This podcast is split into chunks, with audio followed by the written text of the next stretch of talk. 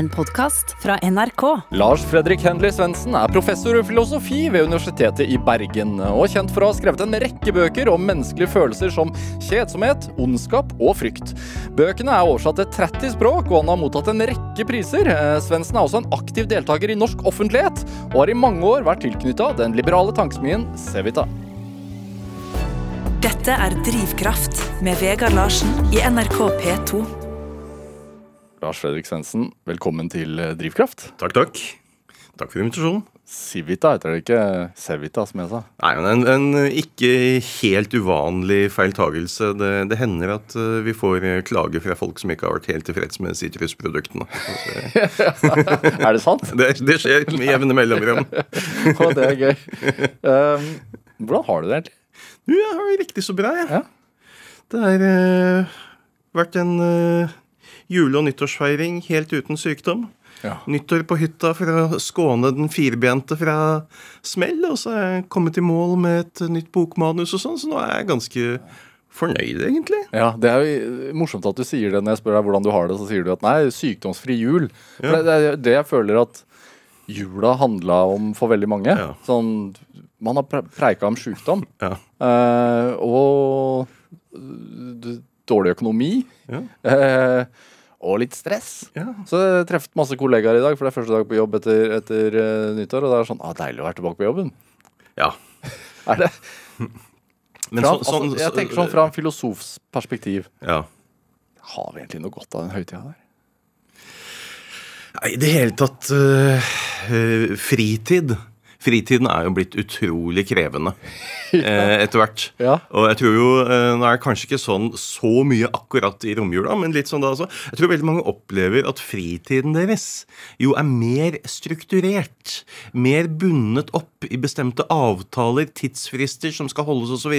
enn det arbeidstiden er. Ja. Og jeg mener en, en tid som er så strukturert, så bundet opp Altså, Det er i hvert fall ikke en fri tid, Nei. for å si det på den måten. Og sånn sett så er det jo høyst forståelig at det kan være noe av en lettelse. Ja. Å komme tilbake på jobb. Og en av mine hypoteser er jo at når såpass mange klager over uh, å være utslitt, kanskje til og med utbrent i våre dager altså det, er, det er ikke arbeidet som tar rotta på dem, det er fritida. Ja, men det, det har du tenkt? Det, Ja. Du mener det? Ja, jeg skrev om det i en bok om uh, arbeidets filosofi også, Ja. en, uh, en del år siden. ja. Og Hva skyldes det at vi legger opp fritiden vår på den måten? Nei, altså Fritiden er liksom blitt en sånn utrolig altså En sånn ressurs som skal forvaltes på en mest mulig effektiv måte. Det er som om vi har gjort Benjamin Franklins uh, 'Tid er penger' til, til en norm. ikke sant? Altså Dette er et, et knapphetsgode som skal forvaltes til, til, uh, til det ytterste. Eh, og eh, det henger så høyt at nå, det må fylles. Altså Det som på sett og vis har skjedd, da, det er jo at øh, veldig mange av normene fra arbeidet har invadert ø, fritiden. Ja, hvordan da? Og, og, nei, ikke sant? Dette med effektiv øh, ressursutnyttelse og, og, og så videre. Og omvendt så har jo normene fra fritiden invadert ø, arbeidet. Ikke sant? Når man ser intervjuer med yngre mennesker i dag som skal ut i arbeidslivet, sånn, hvordan skal arbeidet være? Ja. Jo, ikke sant? Det skal være morsomt, det skal være selvrealiserende.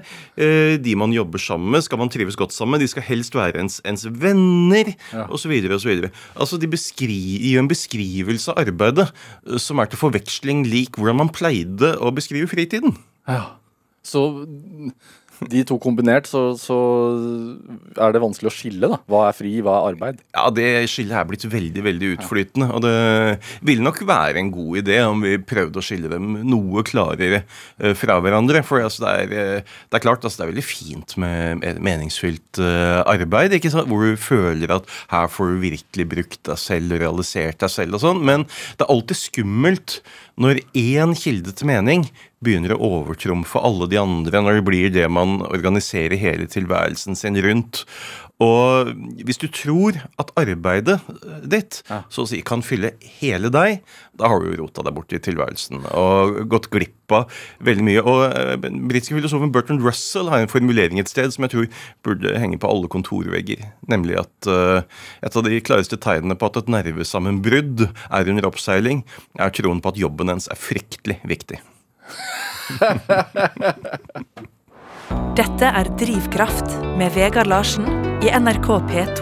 Og I dag er eh, professor i filosofi og forfatter Lars Fredrik eh, Svendsen her hos meg i Drivkraft på NRK P2. Hvordan Har har du slappa av sjæl i jula, eller eh, er du, går du i den samme fella som oss andre? Eh, jeg har jeg, jeg må innrømme, jeg har jobba litt i, jula. Jeg, Jeg ser det. Ja, ja, ja. Jeg, jeg, jeg ville virkelig få ferdig eh, denne nye boken med, før, eh, før nyttår, så det ble et par arbeidsdager Ja. i romjula også. Men bortsett fra det, så har jeg sløva ganske bra, ja, altså. Sett noen filmer, sett noen TV-serier, vært sammen med familien, gått turer med bikkja. Og jeg er ganske god til å sløve når jeg går inn for det. Ja. Ja. Er det, hva får du igjen for det, å sløve? Og ikke, altså, hvilke filmer ser du på, filosofen? Altså Her, her om dagen så jeg f.eks. Uh, White Noise, altså Hvit støy. Filmatiseringen av Don DeLillos uh, roman. Aha. Og det er klart uh, Det er alltid litt skummelt når en av ens absolutte favorittromaner blir filmatisert. Men det der ble slett ikke gærent, det. Ja. Uh, så i går så jeg Amsterdam. Den var jo heller ikke så verst. Men hva jeg får igjen for det Nei, altså til dels eh, Til dels bare moro, men ikke minst også jeg gjør det sammen med dem jeg bryr meg mest om. ja. Slappe av sammen. Ja. Er viktig. Ja. Er det Det med å få ferdig boka, er det å skrive for deg en, en, en jobb nå? Du har skrevet Hvor mange bøker har det blitt? Jeg vet ikke. 14-15 ish. Ja. Det Kommer litt an på hvordan du teller. ja. Ja, fordi du, du er fast, altså, du er jo ansatt ved Universitetet i Bergen Ja. eh, som professor i filosofi og underviser der. Ja. Eh, men det gjør du på høsten. Ja. Så jeg organiserer året mitt sånn at øh, høsten er undervisningstid, og våren er skrivetid. Altså, Selvfølgelig så blir det litt skriving på høsten og litt undervisning på, på våren men, men i hovedsak så faller, øh, faller året sånn. Um, ellers bokprosjekter er, er forskjellige. Eh, for meg så er det å skrive veldig ofte eh, lystbetont. Men man har jo også de prosjektene som man bare må liksom, hale i land, som er virkelig, virkelig strev å få i land. Eh, men jeg syns som regel eh, de blir best, de som går lett. Altså Der hvor det nærmest flyter av, flyter av seg selv. Tenk, gjør du det fordi at du tenker at det er veldig viktig? Altså, hvorfor driver man med, med filosofi? Og hvorfor skriver man? Altså, For det første så er det For meg å skrive er å tenke. Det er å gi form til, og struktur til tanker og få et slags øh, overblikk over det. Og når jeg øh, skriver en bok, øh, så er det gjerne fordi det er et eller annet som plager meg. Det er et eller annet jeg ikke skjønner meg på. og Det, det, det, kan, det kan gnage på meg at, jeg ikke, at jeg ikke får ordentlig tak på det. Hvordan gnager det? Uh, nei, altså det er uh, Wittgenstein skriver eh, et sted at uh, østerrikske filosofen Ludwig Wittgenstein skriver et sted at filosofisk problem har formen 'jeg kan ikke orientere meg'. Altså Det er en slags orienteringsløshet, og det å filosofere handler jo egentlig om å orientere seg i sitt eget topplokk. Mm, tenke, rett og Ja, slett. Ja, ja. Du jobber med deg selv, ikke sant? Dine egne tenkemåter, dine egne tankevaner, Ja. og, så, og, så videre. Eh, Merker man på seg at eh, nå er det et nytt tema som gnager? Ja, det kan komme veldig, veldig, veldig brått. Eh, Det kan f.eks. skje midt i arbeidet med en helt annen bok. Og det, det skjedde jo meg i, no, i, i fjor, hvor jeg egentlig holdt på med en bok om noe, noe helt annet, og så kom den, den russiske invasjonen. Eh, og det var ikke noe tvil om hvor mine sympatier uh, lå i, i den situasjonen. Uh, og noe av det som, som slo meg, var jo uh, altså det, det ukrainske håpet som var sånn momentant. Hvordan så du det altså i februar i fjor? ja. Hvordan, hvordan Nei, altså, artet det var jo bare i, i, i, altså, i overbevisning om at her skal vi yte motstand. Dette skal vi kunne få til, osv. Det, det håpet var jo veldig momentant.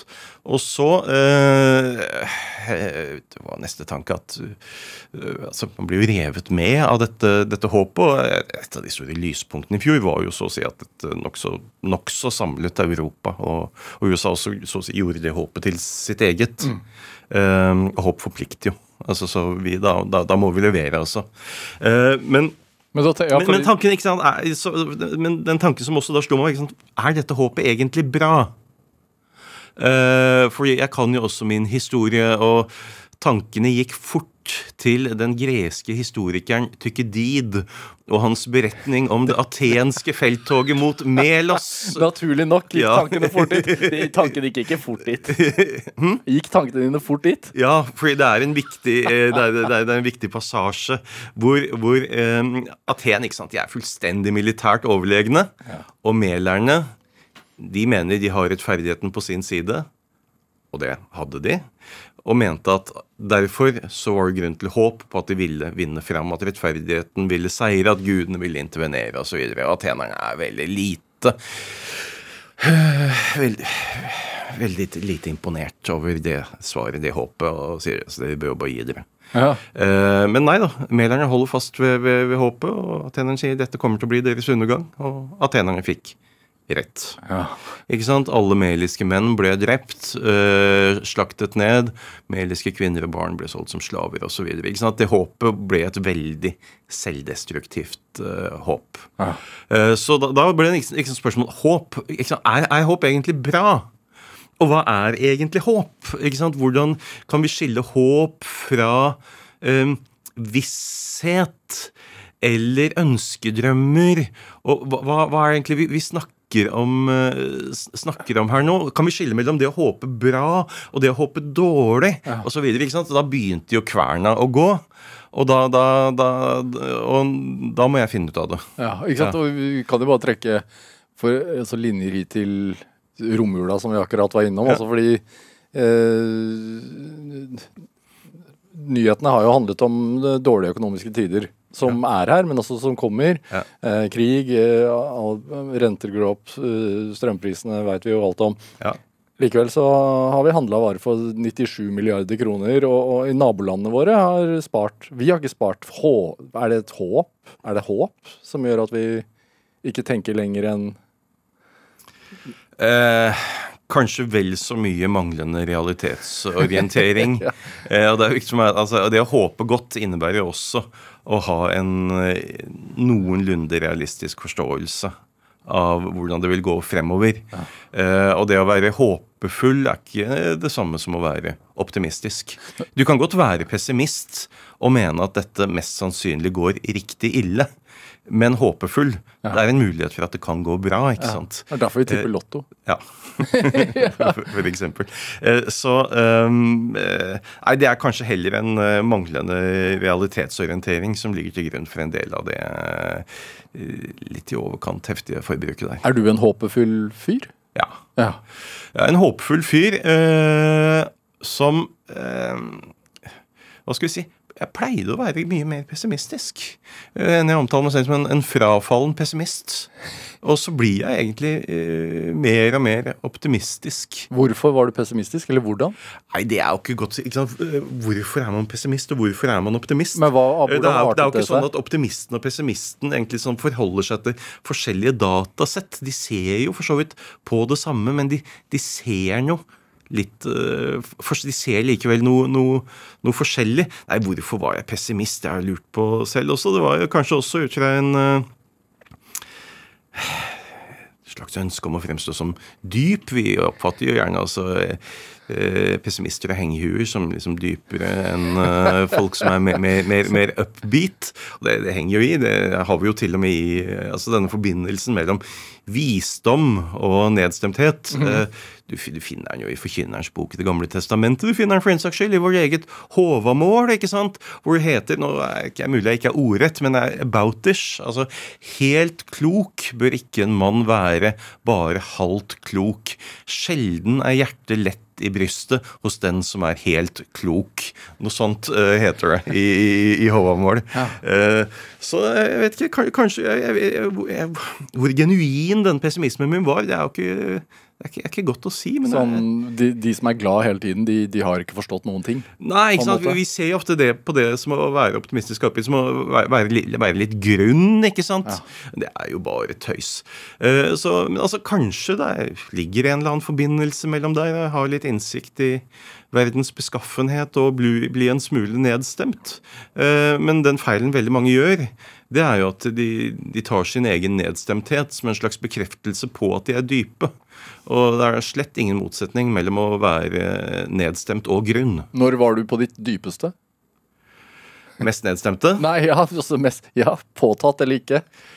Jeg vet ikke. Jeg syns jo f.eks. at den, den første boken min som jeg skrev, 'Kjedsomhetens filosofi', er kanskje litt deppa. Jeg leser sjelden mine egne eldre ting, men jeg måtte gjøre det for noen år siden da jeg skulle skrive et nytt essay om, om, om kjedsomhet. For jeg, jeg, jeg, jeg, det er sjelden jeg tar opp gamle temaer. Jeg har så å si lagt dem bak meg, men, men, da skal jeg gjøre det. Og jeg ble litt utålmodig med forfatteren av den eh, boka. Jeg syns han, han, var litt sutrete. Ja. Og liksom sånn Nei, men ta deg sammen da, gutt. Uh, og, hvordan, var, hvordan, var, du sutrete? Nei, det var liksom den uh, Det store meningsproblemet. Uh, over hele. Eh, det er klart, også boken om ondskap. Eh, da var jeg i et mørkt sted eh, da jeg, da, da jeg, skrev den. Så etter at jeg hadde skrevet ferdig den boken om ondskap, da, den, den, tok meg ganske langt ned i kjelleren, så tenkte jeg nå må jeg bare lufte ut huet med noe helt, helt annet. Hva er det mest tøysete jeg kan skrive en filosofibok om for å lufte ut topplokket? Mote.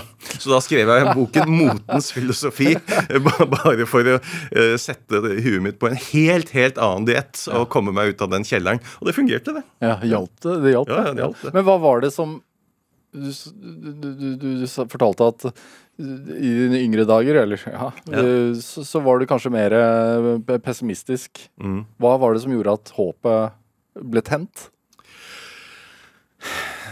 Altså, en Kanskje en, en, av fordelene med å bli eldre er at det gjerne blir klarere for en hva som er verdt å bry seg om, og hva som ikke er det. Eh, og det ble tydeligere for meg hva som er verdt å, å bry seg om. Og det, det, det hadde jo til dels eh, også sammenheng med liksom, dramatiske ting som, som skjedde i, i, tilværelsen. Men, eh, men der, altså ved å finne eh, altså så å si, genuine kilder til mening i tilværelsen, mm. så finner du også noe å bry, virkelig å, å, bry deg om. Og da blir også kloden et uh, atskillig mer uh, beboelig sted. Altså Du finner ut at noe er verdt å bry seg om. Hva fant du Noe er verdt å håpe på. Nei, altså, det, det er jo det som jo er blitt tydeligere og tydeligere for meg, da, altså hender jeg omtaler meg selv som en uh, forhenværende arbeidsnarkoman. Uh, jeg jobba altfor mye altfor lenge. Uh, og det som ble veldig tydelig for meg, er jo rett og slett at det som virkelig betyr noe for meg, det er jo de, de nærmeste. Og der er, der er, jeg veldig ordinær. Altså For de aller fleste av oss så er det sånn at tilknytningen vår til noen ganske få mennesker er det som utgjør mesteparten av vår livsmening. Mm. Og en ting som skjedde i tilværelsen min, det var jo at uh, faren min ble syk. Uh, han fikk en veldig alvorlig kreftdiagnose med en uh, veldig dårlig prognose. Mm. og det, det skapte en del logistiske utfordringer. Mm. Fordi moren min hadde vært ufør i veldig mange år, og han hadde pleid å ta seg av henne. Mm. Så da, ikke sant, hva, hva, gjør, hva gjør jeg da? For, for, meg så var egentlig valget ganske enkelt. Altså Jeg la filosofi til side i, i det vesentlige i halvannet år. Mm. Uh, dro hjem igjen, uh, installerte meg på gutterommet og tok meg av han uh, frem til han døde. Mm.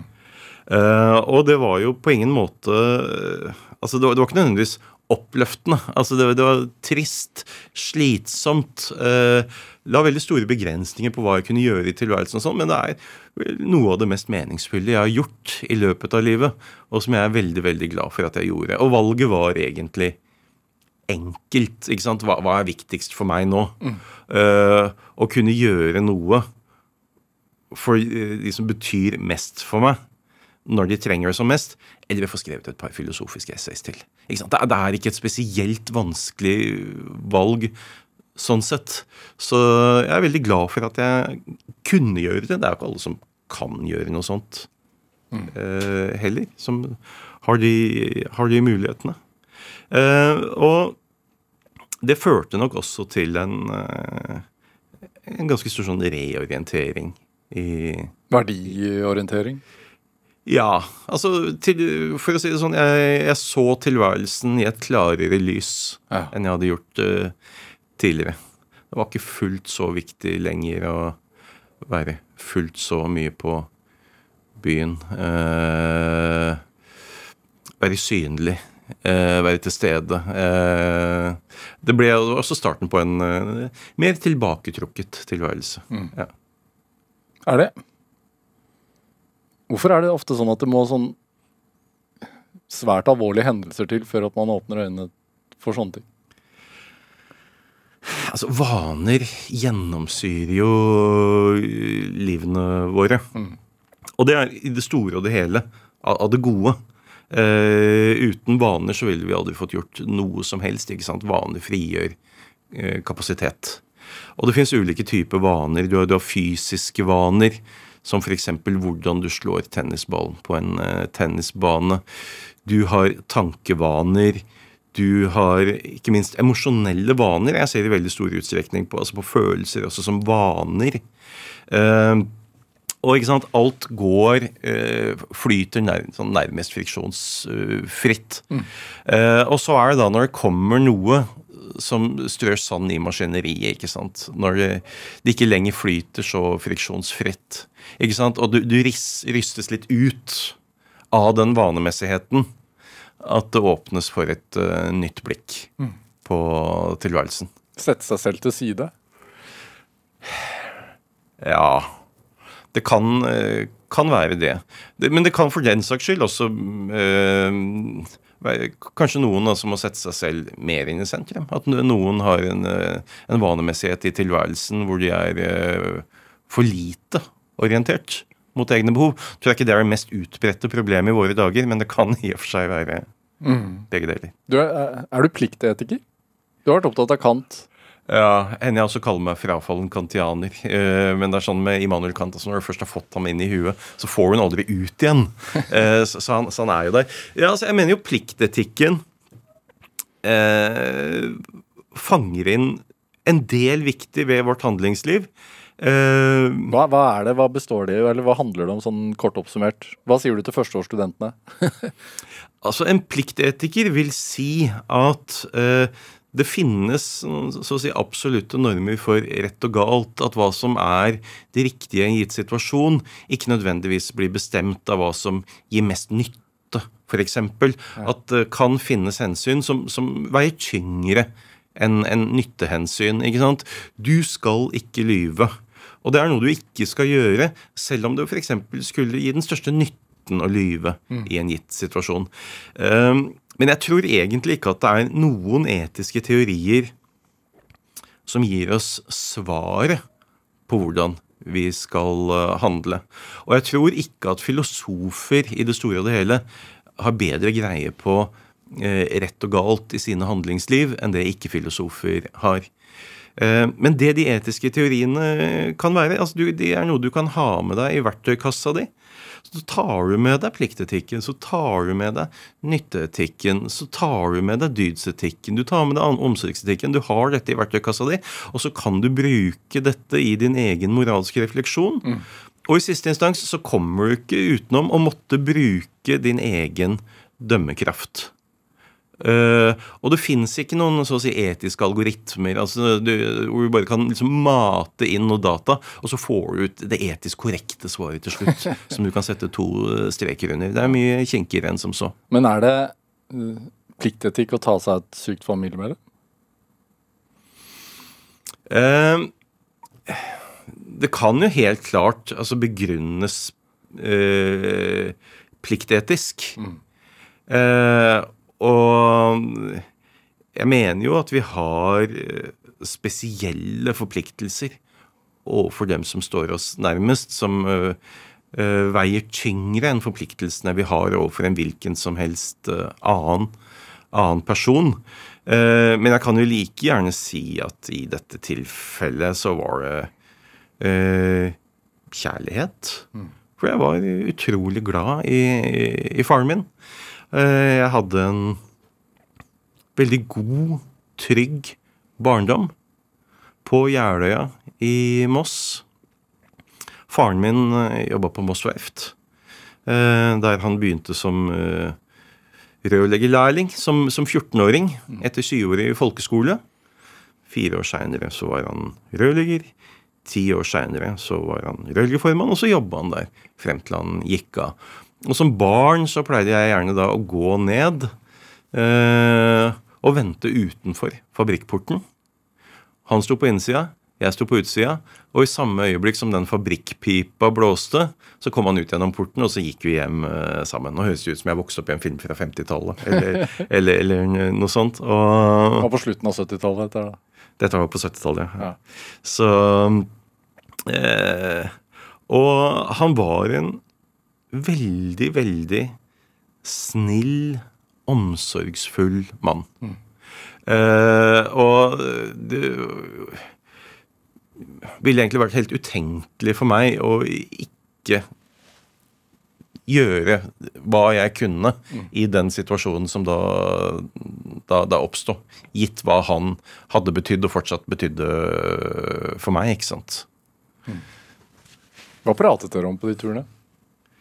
Vi prata mye forskjellig. Eh, vi prata sikkert en hel del om tennis, som var en av familiens store lidenskaper. Og også var din. Ja, ja.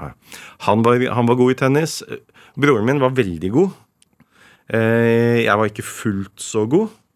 Eh, men jeg la jo ned veldig mange tusen treningstimer på den tennisbanen. Så la jeg opp da jeg var 17, for da skjønte jeg at jeg ikke ble bedre. Broren min var eh, helt i toppsjiktet i, i, landet. Det var ikke jeg. Eh, så da, da, la jeg opp. Eh, og det var helt uaktuelt å bli mosjonsspiller. Enten så var det konkurransetennis, eller så var det ingenting. Eh, så jeg tok jo faktisk ikke i en racket på 15 år. Er du, Hva sier det om deg? Eh, nei, det, For meg så var det på det tidspunktet et enten-eller. Eh, gikk for ekstremer, og så hadde jeg for så vidt også fått en, en, ny lidenskap akkurat på det tidspunktet, nemlig bøker, som jeg da oppdaget for, eh, for første gang. Men, men, men, det var morsomt det med tennisen, for jeg, jeg tok ikke en racket på 15 år. Og så var det noen venner av meg som hadde spilt noen år. Og så at personlige trenere mente de var ganske gode, som lurte på om jeg ikke ville være med på banen en gang. For jeg hadde mumlet noe om at jeg var habil i, i ungdommen. Så tenkte jeg ja, det kan jo ikke skade. Så jeg dro noe hjem til foreldrene mine. Ned i kjelleren, fant frem de gamle racketene, fant frem den gamle strengemaskinen. Strenga opp et par racketer, på banen. Fomlete de første fire-fem minuttene. Mm. Og så var jo alt der. Eh, utrolig merkelig hvordan eh, alt satt i kroppen, så jeg kunne jo gjøre hva vondt jeg ville mot de gutta og se de hakesleppene på den andre siden av nettet var utrolig tilfredsstillende. Så skal det sies at dagen etter, da jeg våkna, så ville jeg jo bare ha et nakkeskudd. Det var, det ikke ett sted på kroppen som ikke gjorde øh, vondt. Men øh, nei, det som egentlig skjedde øh, da jeg var 17 år, var jo det at da oppdaga jeg brått bøkene. Ja, For det var ikke bøker hjemme hos dere? Nei, jeg, var vel den, jeg er vel den første i familien som noensinne har åpna en, uh, en, bok. Ja. Så det var egentlig veldig usannsynlig at uh, det skulle komme en filosof fra den, uh, den, den familien. Hva var, dere, hva var, dere, opptatt av hjemme hos dere, da? Nei, det var Tennis, tennis, tennis, var veldig viktig. Jeg er ikke fullt så stor sportsidiot som faren min og broren min. Uh, mat, øh, hygge Altså, ja. Eh, så, men det som skjedde, da, det var jo at en kamerat av broren min Dette var i første gym, Han hadde skrevet særoppgave om eh, Bjørneboe. Og så var han hjemme hos oss, og så hadde han da den trilogien til Bjørneboe i ryggsekken sin. Ja. Og så bare kasta han dem bort i fanget mitt, og så sa han De der bør du lese. Ja, jeg hadde jo ikke for vane å lese bøker, men jeg tenkte hvorfor ikke? Ja. Eh, og jeg ble jo totalt hekta. Hvorfor det? Nei, altså Det var et sånt eh, kick for meg. Å komme inn og eh, tenke, liksom, tenke nye tanker, se verden på en ny måte, eh, bli revet med. Og Bjørneboe er jo perfekt uh, når man er i de formative årene der, ikke sant. Hva, hva er det med Bjørneboe som gjorde han så viktig for Eller som har gjort han så viktig, og fremdeles da, gjør han så viktig for eh, kanskje spesielt unge mennesker, altså i den fasen ja. der av livet? Ikke sant, Bjørnboe, det er jo Det er jo absolutter. det er, eh, det er, veldig radikalt. Du får en fornemmelse av å gjennomskue verden, ikke sant? Eh, og eh, men, men, så gikk jeg jo videre fra Bjørneboe og begynte å lese mange andre, og så fant jeg jo ut etter hvert at øh, kanskje jeg skal prøve meg på filosofi. eh, og det, det, var ikke nødvendigvis noe sånn veldig lys dag i familien da jeg kom hjem og sa du, jeg tror jeg skal begynne å studere filosofi. da var liksom eh, generelt tendensen var, ikke sant? Her er en skoleflink fyr i familien som kunne drevet det til noe, ikke sant? Og så går han hen og sier at han skal begynne å studere filosofi og kaste bort alt. Men da de, eh, men da de skjønte at den overbevisningen var, uh, var, var oppriktig, ja. så har du full backing. Hva er de største fordommene mot filosofer? Nei, altså det er jo livsfjernt og unyttig. Og foreldrene mine tenkte vel også Hva i all verden skal stakkaren leve av hvis, hvis, han, går for uh, det der? Med rette, eller? Er det Ja, altså det er jo ikke så enkelt uh, å å finne en jobb som uh, filosof, i hvert fall hvis du være på universitetene. Nå har jo jeg hatt, uh, hatt flaks da, ved at uh, filosofi gikk veldig, veldig, veldig, bra for meg. Du hadde håp? Først og fremst så hadde jeg en veldig sterk fascinasjon for dette faget. Og det er særlig noe når du begynner å studere filosofi. Mm så gjennomgår du ikke sant, en mental revolusjon i uka omtrent når du kommer til neste filosof på, på pensum. Og det liksom, å tenke radikalt nye tanker kan være utrolig eh, tilfredsstillende. Så dette var jo noe jeg, altså jeg virkelig gikk, eh, gikk helhjerta inn for. Sånn som i tennis? Ja, eh, enda, enda mer. Og eh, så hadde jeg vel i grunnen bare én karriereplan, og det var at jeg ikke skulle bli akademiker. Eh, filosofi var jeg veldig opptatt av. Ja. Men jeg var ikke spesielt lysten på å få en akademisk karriere. Det var ikke det, var ikke det som, som, drev meg i det hele tatt. Men uh, så var det det det ble, da. Hva, hva, skal, hva, skal, hva, skal, jeg si? Jeg var ung, jeg trengte pengene. uh, Lars Fredrik Jensen, vi skal spille litt musikk. Ja. Um, du har med en, en, en, låt av Nick Cave, uh, The Bad Seeds. da, hvor Tilhører dette her hva skal man si, din pessimistiske fase i livet, eller er det, dette er, er den håpefulle fasen? Dette er jo egentlig en ganske, på, på sitt vis, håpefull eller optimistisk eh, sang. Jeg har hatt et veldig glødende forhold til Nick Cave gjennom mange, mange eh, tiår. Og eh, han startet jo sin karriere som hva skal vi si, altså mer sånn uh, nihilistisk fyr. Virkelig det kullsorte slaget. Ja. Uh, denne sangen her, 'Push the Sky Away', uh, er noe annet. Altså, den beskriver jo egentlig en situasjon hvor fremtiden lukker seg. Den kan lukke seg på en veldig dårlig måte. ikke sant? Du kan tenke økokatastrofe eller hva det er. Du tenker liksom enden er nær. Den kan lukke seg for deg fordi du tror du faktisk begynner å komme i mål med det du har å gjøre her i livet. Mm. ikke sant? Du, at du så å si lykkes osv. Og, så og gjennomgangstemaet er jo at you gotta push the sky away. Altså Den slutten der den kan du fortsatt holde på en armlengdes avstand. Det er fortsatt mer å gjøre. det er fortsatt mer du kan gjøre. Er fortsatt mer du bør gjøre. Du kan så å si fortsatt leve i håpets tegn.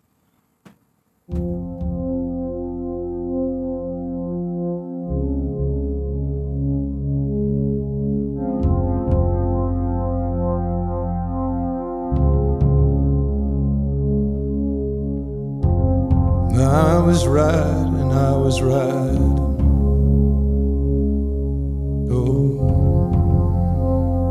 Sun, the sun, the sun was rising from the field.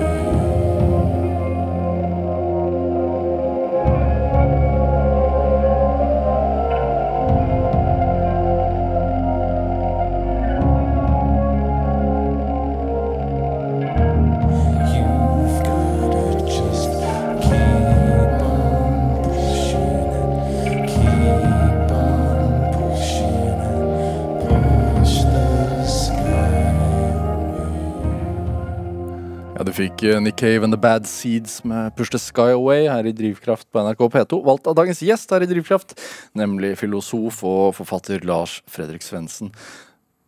Er Nick Cave en filosof? Ja, altså, alle, altså Det er nesten uunngåelig for oss mennesker å, å, å filosofere. Sånn som kan vi si at vi er alle sammen. Eh, Nick Cave er en fyr som er blitt ganske klok i årenes løp. Og han har jo også dette nyhetsbrevet sitt, altså Red Hand Files, hvor eh, fansen de sender inn spørsmål som han skriver ofte ganske lange, kloke svar på. Noen akademisk filosof er han ikke, men en eh, ofte ganske klok fyr. Men nok til at du velger å sitere han. Ja, ja, ja. Eh, I den eh, nye boken min så er det en sånn slags liten showdown mellom eh, Immanuel Kant, Arthur Schopenhauer, Petter Wessel Zapf og Nick Cave. Og jeg lar egentlig Cave gå av med seieren der i den filosofiske showdownen. Ja.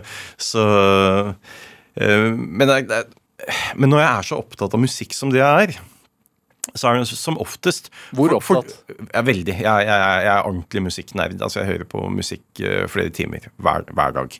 Eh, og når jeg skriver, så har jeg på musikk på et veldig, veldig høyt volum. Alltid. Og, Og du skriver for hånd. ja, og lager en lydmur mellom meg og omverdenen, og der kommer stadig nye vinylleveranser inn, inn døren ukentlig. Eh, Så, så jeg er veldig, veldig opptatt av musikk. Men det, det er kanskje først og fremst fordi musikken på sett og vis også er eh, det som er filosofien fjernest. Ikke sant? Hvorfor er- hvorfor er Fordi at filosofien den er så begrepslig. Ikke sant? Vi er begrepsarbeidere. Vi elter og velter og knar eh, begreper. Mens musikken, den er jo ikke begrepslig, ikke sant? Den er, den er i mye større grad rettet inn mot det emosjonelle. Den eh, ivaretar en helt annen eh, side av, av meg. Så, så, jeg- så jeg tror eh, Viktig grunn til fascinasjonen er nettopp fordi musikk er så ulikt eh, filosofi. Og Derfor så har jeg også valgt å gjøre det sånn at med noen svært, svært få unntak, så skriver jeg ikke om musikk.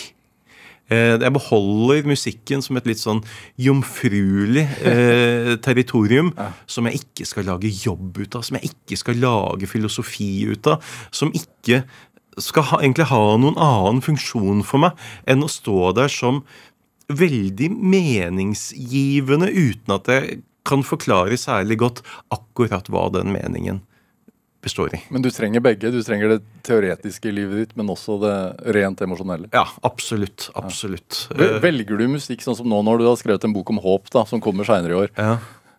Velger du da musikk etter tema? Når du sitter og skriver? Nei, nei, egentlig ikke. Altså, det, det, det varierer. Noen ganger når jeg skriver en bok, så hører jeg på veldig mye forskjellig eh, underveis. Eh, noen ganger så er det bare én eller to plater som går om og om igjen under hele skriveprosessen.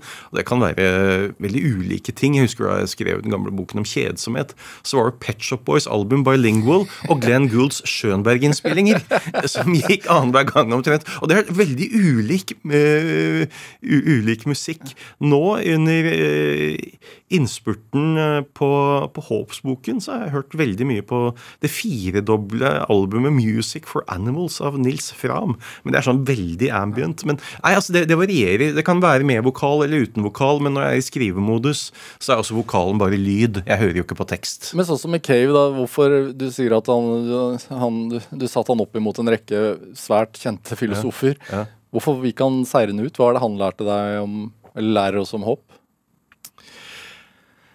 Cave skriver om dette i forbindelse med eh, at eh, Sier at det var da sønnen hans døde. Falt eh, ned fra en klippe og døde. Og Cave selv ble altså fullstendig knust. Eh, men sier også at den hendelsen der var ikke minst det som fikk opp øynene hans for hvor utrolig verdifullt livet er. Hvor mye som er verdt å håpe på i dette livet, osv. Fordi dette vil jeg si er en, er en erfaring vi gjør. Altså uh, at uh, det er jo vitterlig mye som er uhyre meningsfullt i denne tilværelsen. Derfor så stiller jeg meg også litt sånn undrende til meningsfornektere som den norske filosofen Peter Wessel Zapfe. Det er helt klart ikke sant, at Zapfe, som jo altså han elsket jo fjellklatring like høyt som jeg elsker musikk, at han opplevde dette som dypt meningsfullt da han klatret der. Det var noe han brydde seg om, og hva annet er vel det og at, at, Hva annet er vel det, livsmening enn å, å virkelig bry, bry seg om noe? Men så stiller liksom Zapfe et sånn ekstraspørsmål. Hva er meningen med den meningen? Og det tror jeg ikke er et meningsfullt spørsmål engang. Jeg tror det er et tøysespørsmål. Eh, denne bestrebelsen på en, slags overmening. Nei, tilværelsen er uhyre meningsfull, da. men det forutsetter jo nettopp at du klarer å bry deg om noe, fortrinnsvis noe annet enn deg selv. Ikke sant? Eh, Du må faktisk rette blikket ditt utover mot verden, og du vil finne at det er virkelig ingen mangel på noe å bry seg om. Og så er det helt avgjørende at når du bryr deg om noe, at du ikke er for selvbevisst.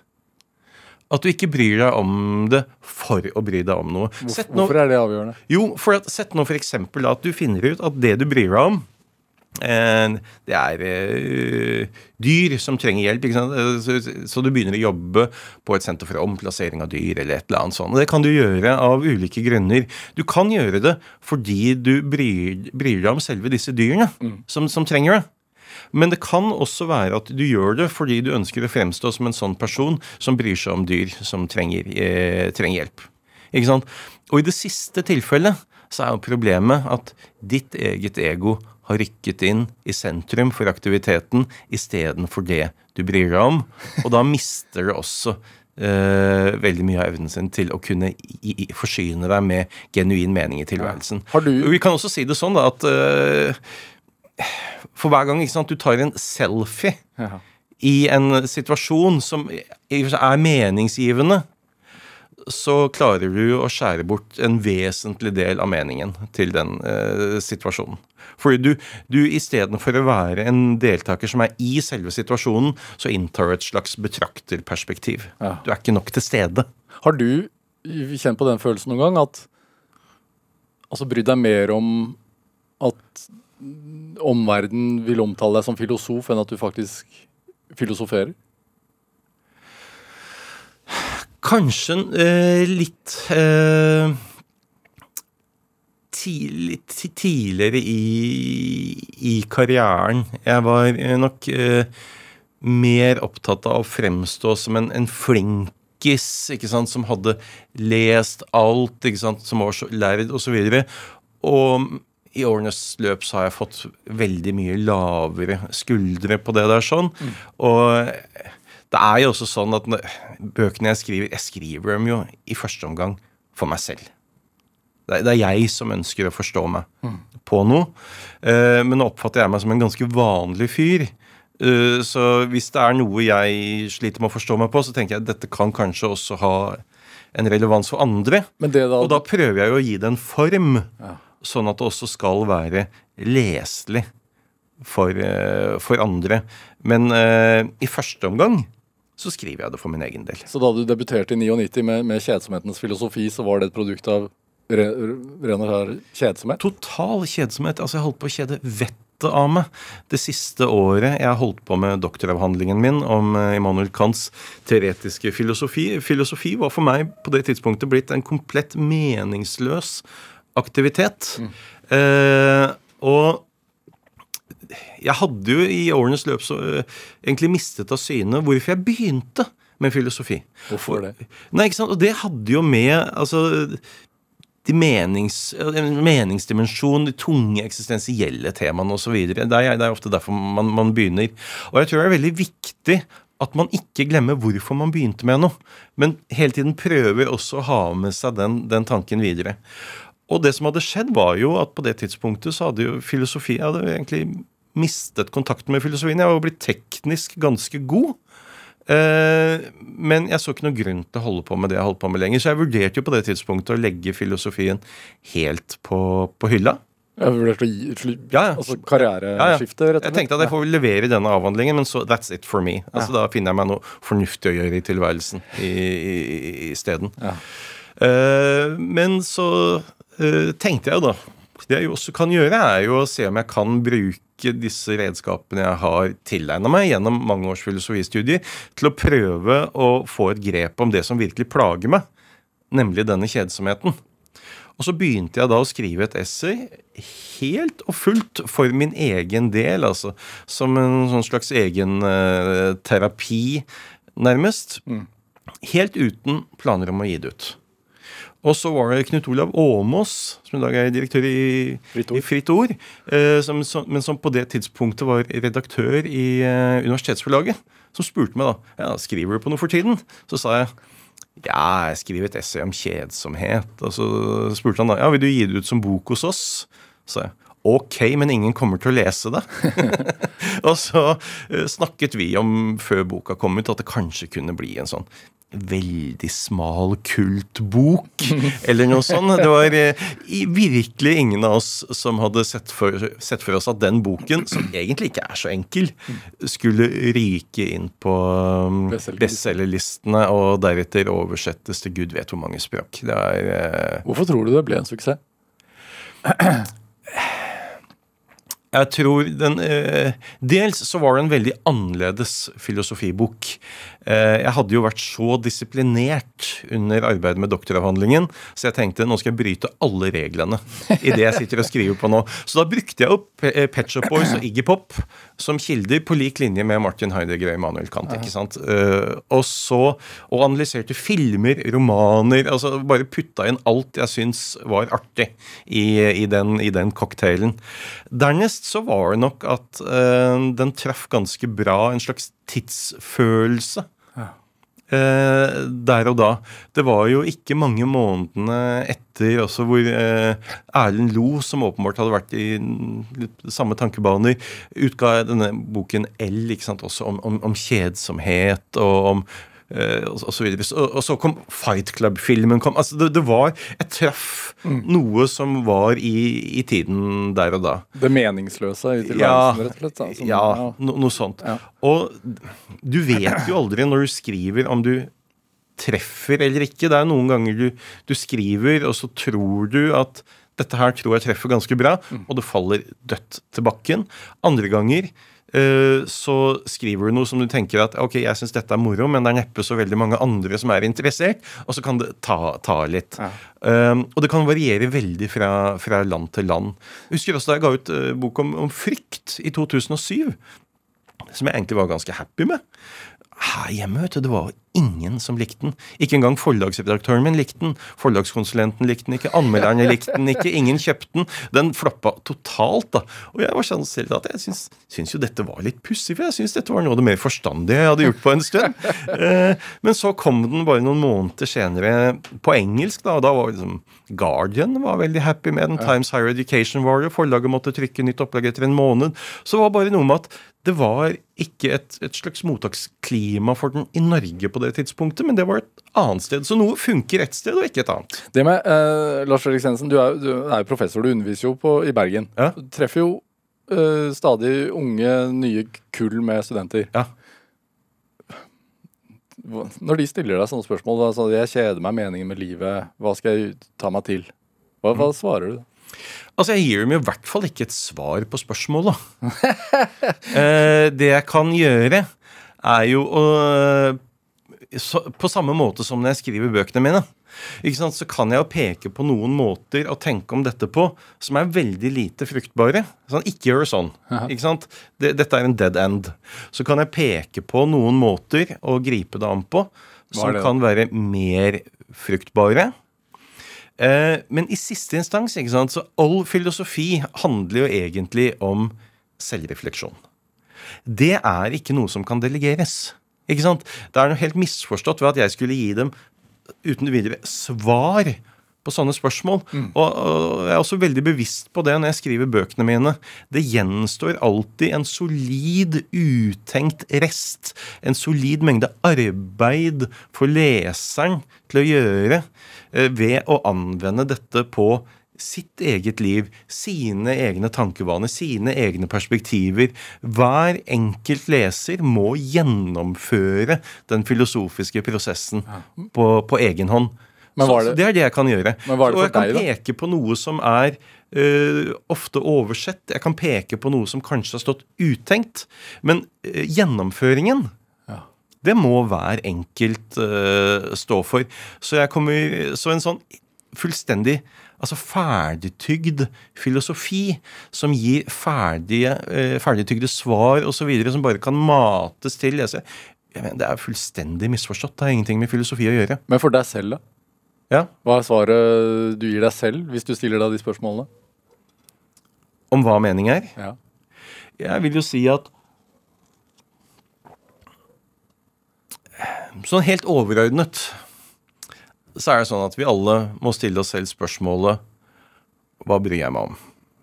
Og det er ikke alltid vi har full oversikt over. Det hender at vi bryr oss om eh, noe annet enn det vi tror vi bryr oss om. Du tror f.eks. du bryr deg om de nærmeste, og så bruker du all tid på jobben. Ikke sant? Da er det egentlig jobben du bryr deg om. Neste spørsmål er bryr jeg meg om det jeg burde bry meg om. Uh, og det er jo slett ikke alltid at man bryr seg om det man burde bry seg om. Hvis du klarer å besvare de to spørsmålene, og i tillegg få omsatt det i hvordan du lever livet ditt, ja, ok, da har du så mye frihet og livsmening som du kan ha noen som helst realistisk forhåpning om å oppnå. Men hva du bryr deg om, det er opp til deg å avgjøre. Det avhenger av hvem du er, omstendighetene i ditt liv osv. Det er ikke noe jeg kan besvare fra et eller annet sånn olympisk utkiktspunkt. Hva bryr du deg om? Jeg bryr meg aller mest om de som eh, står meg nærmest. Jeg, for en tid tilbake så hadde jeg en nokså kjent norsk psykolog til bords i en, en middag, og hun eh, spu- spurte meg da ja, ja, så det du eh, virkelig brenner for, det er å skrive filosofiske essays. Og så måtte jeg jo da si at nei, altså det jeg virkelig brenner for, det er å være sammen med familien min, lage mat, gå tur med bikkja, og så, og så videre. Det er det jeg virkelig brenner for. Men jeg er veldig glad i å skrive filosofiske essays også. Føler du deg fri? Ja. Altså, frihet, hvis det skal kokes ned, er jo mulighet til å kunne velge å leve et slags liv snarere enn et annet. Å kunne leve et liv hvor du faktisk kan hengi deg til det du bryr deg om. ikke sant? Og frihet er til syvende og sist eh, frihet til å kunne realisere verdier i livet ditt. Og da må du finne ut av hvilke verdier er det jeg ønsker å bruke livet mitt til å realisere. Og i hvert fall et godt stykke på vei så syns jeg at jeg får brukt livet mitt til å realisere de verdiene som er viktigst for meg. Hva er drivkraften, da? Er det det? Er det det samme? Det er heller drivkrefter. Ikke sant? Eh, noe er et eh, I noen tilfeller så drives man av en positivt ønske eh, om å oppnå noe. I andre tilfeller så er det for å unngå noe som ikke bør skje, osv. Men filosofisk sett så er nok frustrasjonen den største drivkraften. Ellers i livet så er kanskje kjærligheten, fordi det vi bryr oss aller mest om, det er det vi elsker. Lars eh, Fredrik Svendsen, tusen takk for at du kom til Drivkraft. Takk for meg. Hør flere samtaler i Drivkraft på nrk.no eller i appen NRK Radio. Eh, Send oss gjerne ris eller ros og tips til mennesker som du mener har drivkraft. Send en e-posten til drivkraft.krøllalfa.nrk.no. Vi hører veldig gjerne fra deg. Produsent i dag var Kjartan Aarsand, mens Camilla Bolling-Muir gjorde research til denne sendingen. Dette var Drivkraft. Jeg heter Vegard Larsen. Ha det godt. Du har hørt en podkast fra NRK. Hør flere podkaster og din NRK-kanal i appen NRK Radio. Visste du at vi er på randen av en antibiotikakrise? Jeg heter Alexander Santer og er kjemiker. Hei! Hvordan tenker egentlig hunder? Jeg heter Maren Teien Rørvik og er ekspert på dyreatferd, og jeg jobber som hundetrener. I Burde vært pensum skal jeg dele min kunnskap med deg. Hei, jeg heter Torbjørn Broksten og er fødselslege. Hvordan foregår egentlig en fødsel? Burde vært pensum hører du i appen NRK Radio.